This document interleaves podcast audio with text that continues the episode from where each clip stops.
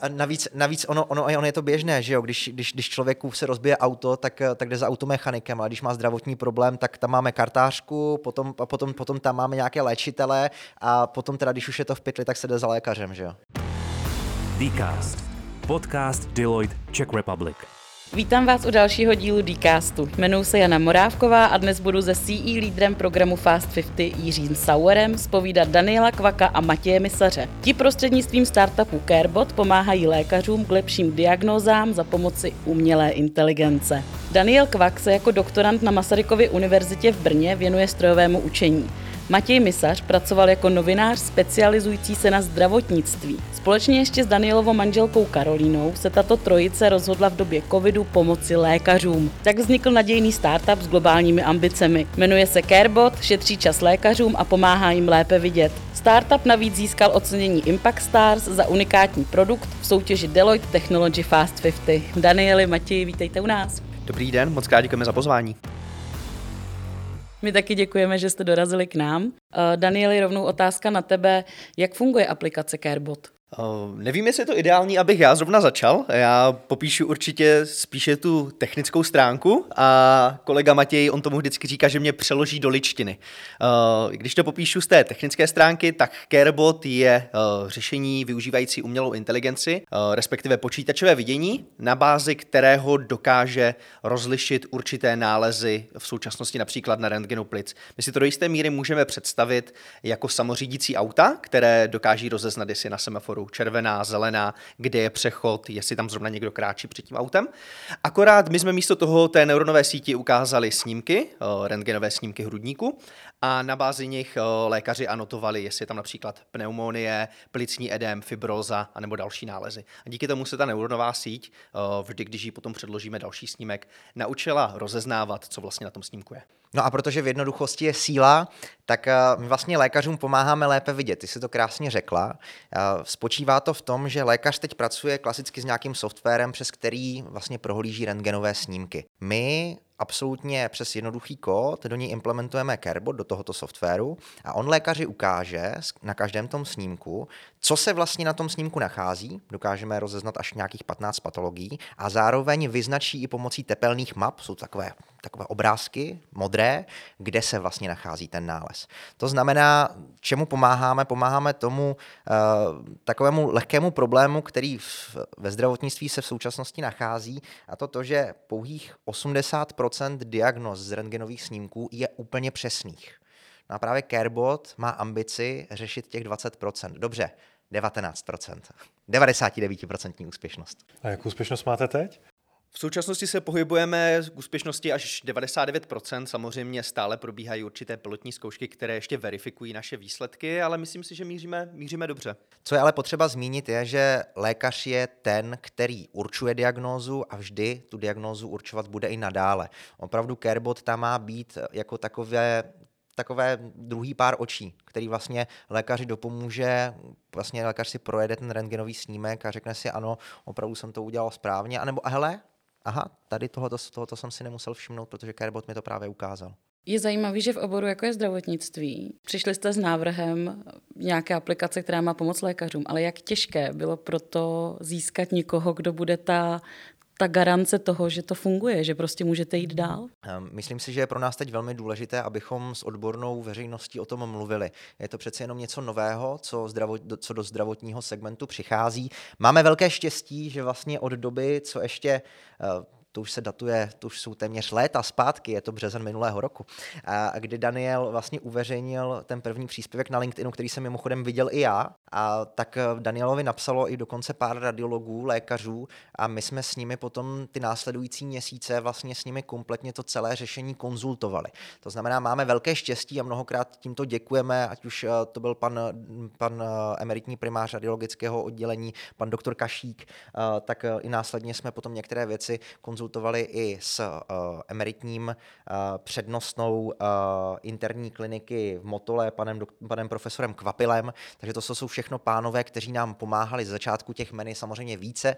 Omlouvám se, že nebudu zmiňovat úplně všechny, ale takže pro začátek, tak jak jsme vyvíjeli onu aplikaci, tak jsme ji vyvíjeli tak, aby opravdu pomáhala aby neměnila nic na lékařově workflow, protože dokážete si představit, že v tom nemocničním systému v dnešní době tam je taková spousta aplikací, které lékař musí otevírat. Je to velmi složité, znesnadňuje mu to tu práci. A my naštěstí i díky těmto lidem, se, kterým jsme, se kterými jsme to konzultovali, tak jsme opravdu přišli na způsob, jak to udělat rychle, efektivně a aby to pomáhalo tam, kde má. Takže ještě jednou děkujeme. No a teď nás čeká, teď nás čeká po, té, po těch dlouhých měsících vývoje, tak eh, postupně, pomalu, ale jistě to integrujeme, začínáme integraci do těch prvních systémů, kdy budou probíhat i nějaké testy. No a eh, teď je to i o nás a já bych tímto i rád tak trošku vyzval eh, vlastně jakékoliv radiology, kteří nás teď možná budou poslouchat, případně majitele nemocnic, že jsme moc tomu otevřeni, moc rádi Kerbota kdykoliv přijdeme nejenom ukázat, ale byli bychom velmi rádi co nejblíž právě těm, kteří to následně budou využívat. To znamená, ať už na bázi feedbacku, tak i na bázi testů, tak jsme tomu moc otevření a klidně nám dejte vědět. Já ještě možná doplním, já si totiž myslím, že i ta doba tomu hodně pomohla, té automatizaci a digitalizaci ve zdravotnictví. Já jsem se bavil třeba s několika lékaři a ti mi říkali, kdybyste s tady tímhletím přišli dva, tři roky zpátky, tak všichni zavřou dveře. Je to právě třeba COVID, který otevřel vlastně tu ty dveře těm automatizacím a digitalizaci, protože ti lékaři viděli, jak jsou zahlcení, mají toho prostě strašně moc, zvláště pak radiologové.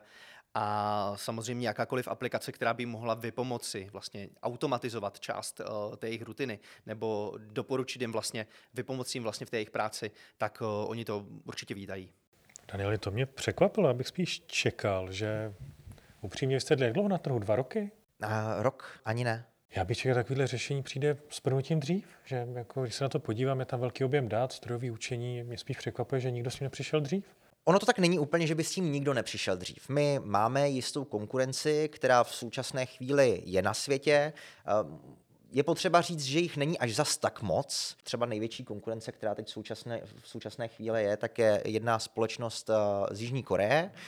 Navíc tady máme určitě i takové velké výrobce pak systému, jako je potom Siemens a, a tak dále, kteří si, dejme tomu, toto řešení vyvíjejí sami. My máme ale jednu obrovskou výhodu v tom směru, že my to dokážeme opravdu implementovat do téměř čehokoliv, do jakéhokoliv toho dajkomového prohlížeče, pak systému. To znamená, dokážeme se přizpůsobit tím způsobem, že to pro lékaře bude absolutně jednoduché a samozřejmě i pro ty výrobce eh, my přicházíme s, s řešením, které je hotové. Je nutné zmínit, že uh, jakýkoliv posun třeba v digitalizaci zdravotnictví, tak není jenom o tom přijít s tím nápadem, ale opravdu o té exekutivě. A samozřejmě ve zdravotnictví je to velice citlivý, je to velice regulovaný segment, tak to může být jako velice náročné. Spousta vlastně třeba výzkumu, tak zkoumali tady tuto možnost využití, jenomže samozřejmě certifikační procesy, které jsou nákladné, trvají, dl, trvají dlouho, tak eh, spoustu z takovýchhle výrobců třeba odrazují. Což já samozřejmě jako chápu, protože kolikrát si všímám, jaký byč jsme na sebe vlastně upletli. Zrovna dneska jsme si dělali takovou mapu certifikace a, a troš, trošku, trošku jsme zamá, zamáčkli slzu. Kolik, kolik let vám ještě chybí? A, takhle, eh, klasicky by nám mělo chybět asi dost let. A naštěstí nejsme, nejsme v segmentu, že neděláme léky. Jo. To, to, by, to, by, to by jsme tady byli 10 až 15 let, než bychom to uvedli na trh. A s trochu štěstí, a já doufám, že se teď něčemu neuvážeme, ale držte nám palce, aby se nám opravdu povedlo, že v roce 2023 bude moci CareBot být plně nasazen v nemocnicích, ordinacích nejenom v České republice. Jak budete fungovat? Budete software ze servis, budete na cloudu nebo budu si kupovat licenci? My umíme obojí. Samozřejmě v dnešní době už sledujeme ten přechod i ve zdravotnictví směrem do cloudu a za mě je to určitě taky skvělá cesta. Některé nemocnice se toho ještě trochu obávají, protože samozřejmě to riziko kyberbezpečnosti je tady dejme tomu značné, ale myslím si, že budoucnost opravdu vede do cloudu. My jsme tedy, mm, jak vlastně kolega zmínil, vytvořili tu vlastní aplikaci, ale samozřejmě naším cílem bylo to vlastně API, které dokážeme teď integrovat již do těch existujících prohlížečů. Čili sami jsme vlastně infrastrukturu taktéž vystavili i na cloudu, ale samozřejmě umíme fungovat i on-premise. A protože to je opravdu velký sprint, tak i v současných měsících vlastně řešíme nejenom integrace do těch současných řešení, se kterým se teda musím říct, denně láme hlavu Daniel, tak samozřejmě řešíme řešíme i pricing modely a, a vlastně tu biznisovou stránku věci, nad kterou zase sedím já v, tom, v tomto směru a máme tam několik možností. Jedna, jedna vlastně z těch řešení je samozřejmě klasický model pay per use, to znamená, aby opravdu lékař si mohl vybrat, kdy vlastně ten carebot může využít. A my jsme ale spíše otevření tomu paper license, aby vlastně uh, mohli lékaři plně využít ten potenciál, který carebot nabízí.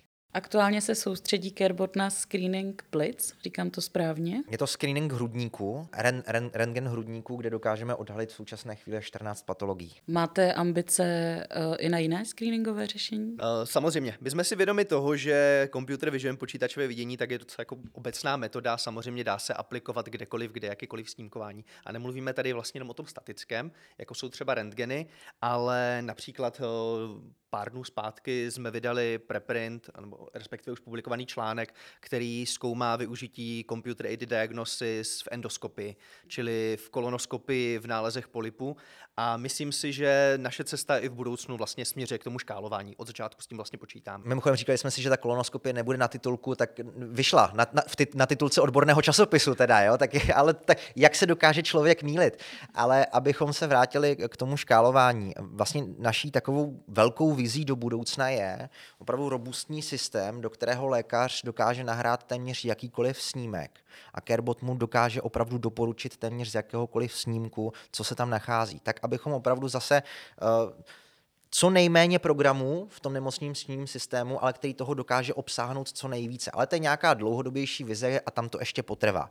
To znamená, my teď máme několik cest, kterými se můžeme vydat. Začínáme na rentgenu, momentálně si hrajeme, začínáme hrát i s CT. Když říkám hrát, nemyslím to tak, že bychom k tomu přistupovali nějak jako laicky, to v žádném případě.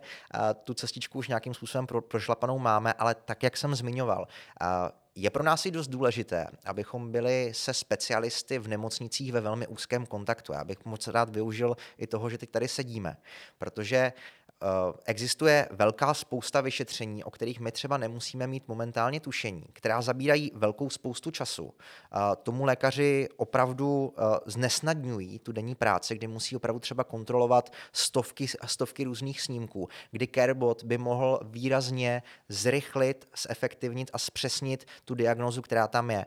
A pokud existují takovéto, takovéto, takovéto kdy, kdy vlastně lékař určuje diagnózu, tak bychom byli velmi velmi rádi, abychom na to přišli, abychom mohli vytvořit přímo řešení na míru, protože jsou různé nemoci, při kterých to je velmi specifické a není to jednoduché a věřím, že právě Carebot by v těchto případech mohl pomoci. To znamená, je to i takový náš open call, to je anglické slovo, taková naše výzva v, tom, v tomto směru, že jsme opravdu schopni vytvořit na míru a pomoci jednomu určitému specializovanému segmentu ve zdravotnictví, tak aby to bylo potřeba, aby to prospělo. S jakými nemocnicemi spolupracujete aktuálně? Ty jsi to na začátku už zmínil, Matěj, po, po, trošku to rozveď. Já bych řekl, že spíše než bych teď vymenovával nemocnice, tak musíme říct, že jsme zatím spolupracovali opravdu s jednotlivcemi napříč tím zdravotním segmentem v různých nemocnicích, až už s různými primáři, tak i s jednotlivými lékaři. A snažili jsme se obsáhnout ať už právě radiologii, tak jsme se bavili samozřejmě i s lidmi, kteří zase pracují na internách, s pneumologií a tak dále. To znamená, toto jsou teď, teď taková skupina, náš poradní sbor, se kterým toto konzultujeme. Pro nás bylo velmi důležité, abychom Kerbota dovyvinuli do fáze, kdy opravdu můžeme říct ano, to řešení funguje, teď, teď nás čekají nějaké preklinické zkoušky a jdeme certifikovat. A právě teď nastává ten moment, kdy vlastně začínáme komunikovat s různými nemocnicemi a chceme navázat mnohem blížší kontakty, to znamená, eh, někde zatím už něco vytvořené je, ještě bych to asi úplně nepublikoval, ale zároveň jsme velmi otevření tomu, aby těch nemocnic bylo více. Takže, takže i tak opět zase využíváme toho, tohoto, tohoto podcastu k tomu, abychom kdokoliv, kdo by v Kerbotu viděl přidanou hodnotu třeba pro svou nemocnici, tak jsme tomu moc otevření. Jak nemocnici oslovujete? Voláte do nemocnice, voláte přímo těm lékařům? Je tam několik cest. Já mám teda tu výhodu, že uh, společně s manželkou, takže působíme vlastně na univerzitě, takže bych řekl, že do jisté míry uh, je to i založeno vlastně na tady tomhletom, řekněme, osobním akademickém vlastně pohledu, ale samozřejmě hned od začátku, tak, tak jsme zveřejňovali nějaké zprávy na LinkedInu a i tam se nám ti lékaři samozřejmě jako ozývali. My si toho samozřejmě velmi vážíme a naopak uh, jsme rádi a máme opravdu velký respekt k tomu, že zvlášť i ti to velmi vytížení lidé si na nás i přesto, uh, jak moc toho mají. A když se podíváme na statistiky, tak opravdu na jednoho radiologa každým rokem uh, přibývají desítky procent navíc těch snímků, které oni musí vyhodnocovat. To znamená i vlastně dle těchto statistik, tak jak, jak, to, jak jde vlastně toto číslo letí nahoru, tak právě Kerbot může pomáhat, ale co jsem chtěl dodat, vždycky větvím, tak uh, že my si velmi vážíme toho, že, ti, že tyto kapacity v oboru si na nás našli čas. Teď nás čeká ta trochu jiná věc, kdy směřujeme k preklinickým zkouškám, kdy už potřebujeme opravdu uh, tým radiologů, se kterými budeme spolupracovat a kteří nám pomůžou vlastně vyhodnocovat jednotlivé snímky. A ten teď teda dáváme dohromady, takže opět, pokud by se objevil radiolog, který by s námi chtěl spolupracovat, jsme tomu otevřeni. Mně trochu přijde, že uh, jak nám tady objasňujete ten legislativní proces, který musíte absolvovat, že to není úplně přívětivý prostředí pro startup v, v odvětví zdravotnictví. Měli byste nějaké doporučení nebo uh, nějakou připomínku k tomu, jak by třeba stát mohl fungovat jinak? Potažmo teda SUKL. Já myslím si, že asi... Uh... Co se týče, co se týče SUKLu, legislativy a zdravotnictví, tady bychom se do toho asi zatím ještě nepouštěli. Nás ta, nás ta certifikační cesta čeká a zase jsme si vědomi tomu, toho, že to je zdravotní segment, uh, jedná se o lidské životy, jedná se o nějakou kooperaci mezi, mezi lékařem, tím snímkem, musí to být zřazeno do nějaké třídy. Takže ano, mnohdy jsme si říkali, že jsme mohli jít raději dělat, eh, já nevím, tušky, propisky nebo, nebo cokoliv jiného, ale společensky by to asi nebylo tak přínosné, což je jedna z věcí, proč nás to naplňuje.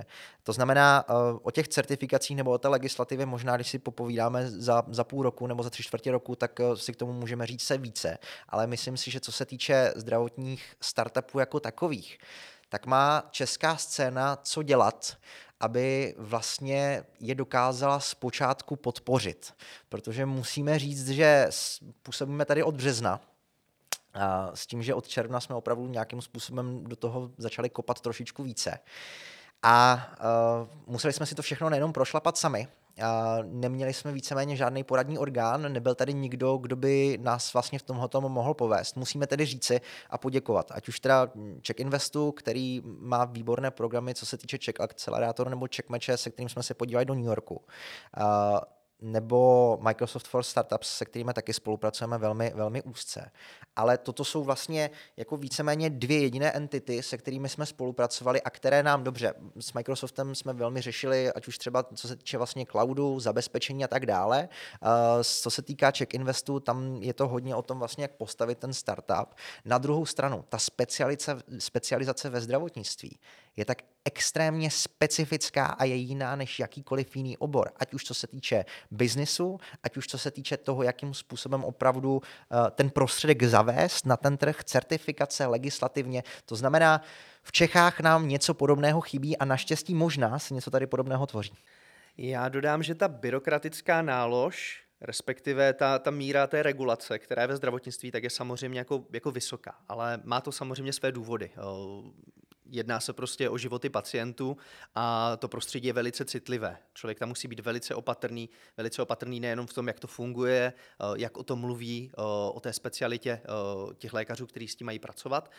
A my to samozřejmě naprosto respektujeme a sledujeme to. My třeba jsme se bavili s jedním kolegou, který taktéž prochází, i když trošku jako v jináčí sféře, zdravotnickou certifikací a ten nám říkal, berte to jako plus, berte tu, tu regulaci, kterou musíte splnit jako, jako své vlastní plus, protože vy tím si nastavíte určité procesy, uh, nastavíte si tím bezpečnost toho systému, podchytíte si vlastně veškeré případy, které tam můžou nastat a vy tomu budete rozumět a vy budete vlastně pánem té certifikace.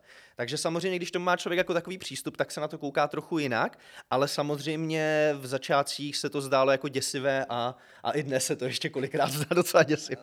Nicméně možná, abychom to vrátili vrátili ještě na, na začátek, protože si myslím, že je dost důležité to zmínit. Máme tady určitě velkou spoustu šikovných lidí, kteří by, dejme tomu, i v tom zdravotnictví, já opravdu musím, že i tady v České republice, tak by mohli dělat něco velkého. Ale bohužel musím říct, že pokud někdo není trošku masochista, jako jsme my dva, tak eh, by se na to možná po pár měsících vykašlal, protože uh, není proto jednoduché sehnat, uh, nebo nebylo proto jednoduché sehnat investiční prostředky, protože jedna věc je fajn říct, tady máme společenskou věc, která může pomáhat, je to ale ten zdravotní segment, na který ne každý má specializaci. A potom si pojďme povídat ještě o tom, že když už teda budeme zavedení v těch nemocnicích, tak to ještě nějakou chvilku potrvá, než tam budeme a než teda nějakým způsobem Carebot i přeci jenom získá nějaké finance zpátky. Takže, takže toto jsou všechno všechno otázky, které jsme řešili. Jestli to není tajné, kolik je do vás zainvestováno, kolik byste ještě ideálně potřebovali?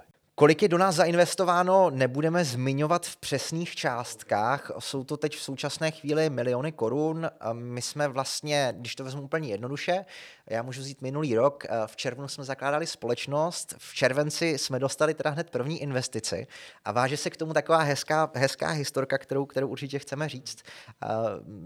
S Karlem Bastlem, což je náš první investor, který víceméně vložil do nás první prostředky a věřil nám v tom, že, že opravdu dokážeme z toho nápadu něco zrealizovat, tak my jsme tehdy uveřejnili jeden z prvních článků, který byl a přišlo nám do e-mailu přes náš kontaktní formulář, což jsme tedy měli webové stránky, dobrý den, chci do vás investovat KB. A, a, a nikdo, nikdo se nepřihlásil. A, tak, tak, tak komerční banka to nebyla, byl to, byl to Karel Bastel, ne, ale uh, my jsme se potom několikrát společně sešli, vlastně probírali jsme tu vizi a vlastně Karel Bastel nám vlastně do nás zainvestoval první, první uh, peníze.